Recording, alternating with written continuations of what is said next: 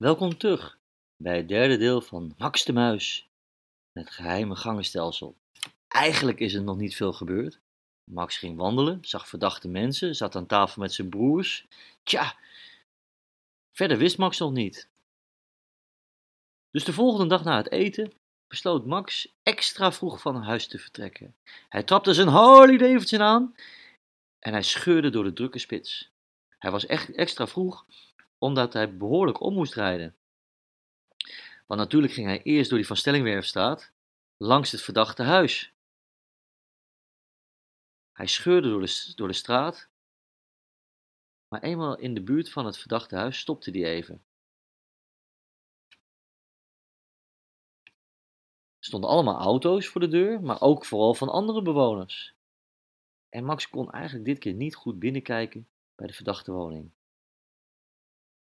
Hij deed net alsof zijn Harley Davidson een probleem had. Een beetje draaien aan, aan de benzinedop en zo.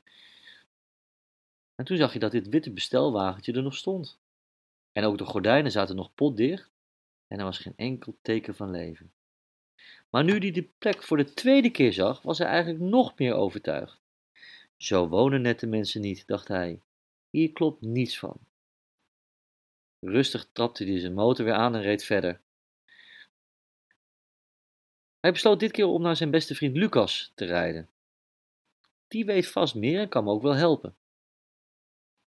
Lucas hoorde al van verre de Harley Davidson van zijn superheldenvriend aankomen. Hij vond het heel fijn dat Max dit keer gewoon een tijdje langer in zijn woonplaats was, want dan konden ze ook leuke dingen doen. Max was altijd op, op reis, altijd op, op, op avontuur. Maar toen Max aanschoof bij Lucas en een kopje koffie kreeg, toen zag Lucas al aan de ogen van Max dat het serieus was. En hij wist dat zijn beste vriend op het spoor was van een gevaarlijke zaak. Ze kenden elkaar al heel hun leven. Allebei waren ze in dezelfde straat geboren en hun ouders waren goede vrienden. Lucas was altijd een beetje de stoere van de twee, tenminste voor de buitenwereld. Want we weten, van de twee had Max de Muis natuurlijk de heldenstatus. Dat is de held, die had het meeste lef. En, en toen Max klein was, kon hij niet wachten tot hij groot genoeg was om op eigen houtje de wereld te ontdekken. IJsland, daar ga ik de geizers bekijken. En dan ga ik door naar het hoge noorden voor het noorderlicht, zo vertelde Max altijd toen hij nog een hele kleine supermuis was. Hij wist er dan ook veel van en keek op YouTube alle filmpjes over stoere vloggers die met hun GoPro avonturen beleefden. Ja, voor een superheld is dat natuurlijk prachtig. Maar superhelden hebben een ander leven. Dat gaat niet over stoere GoPro-filmpjes. Nee, dit gaat over echte boeven. En dit gaat over een eigen stad. Best gevaarlijk dan.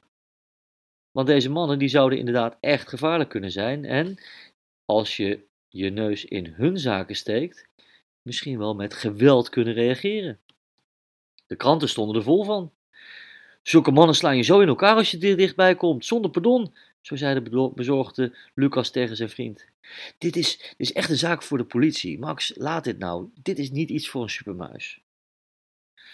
Max voelde wel een beetje aan dat Lucas gelijk had.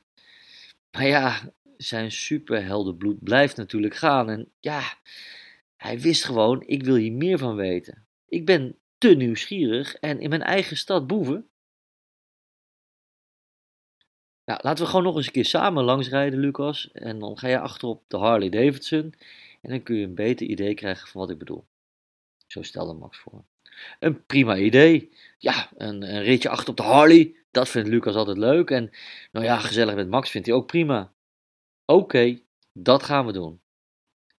En met dat hij dat zei, had hij geen idee dat hij daarmee in een superheldenverhaal zou stappen. Een gruwelijk avontuur dat voor veel spannende momenten zou zorgen. Daarover de volgende keer.